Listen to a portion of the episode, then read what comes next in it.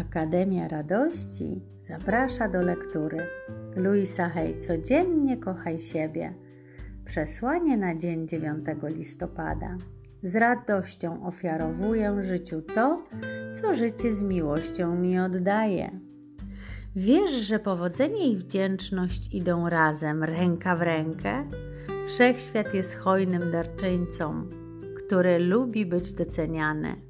Powiedz, z radością ofiarowuję życiu to, co życie z miłością mi oddaje.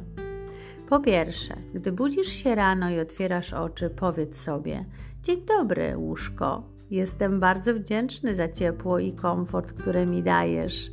Skarbie, imię, to błogosławiony dzień. Wszystko dobrze się układa.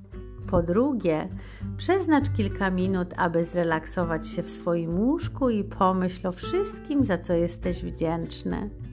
Po trzecie, gdy czujesz się gotowy, aby wstać, podejdź do lustra w łazience.